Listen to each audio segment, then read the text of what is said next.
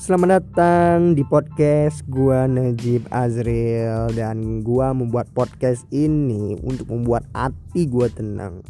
Dan di podcast ini gue bakal menceritakan tentang semua yang gua rasakan.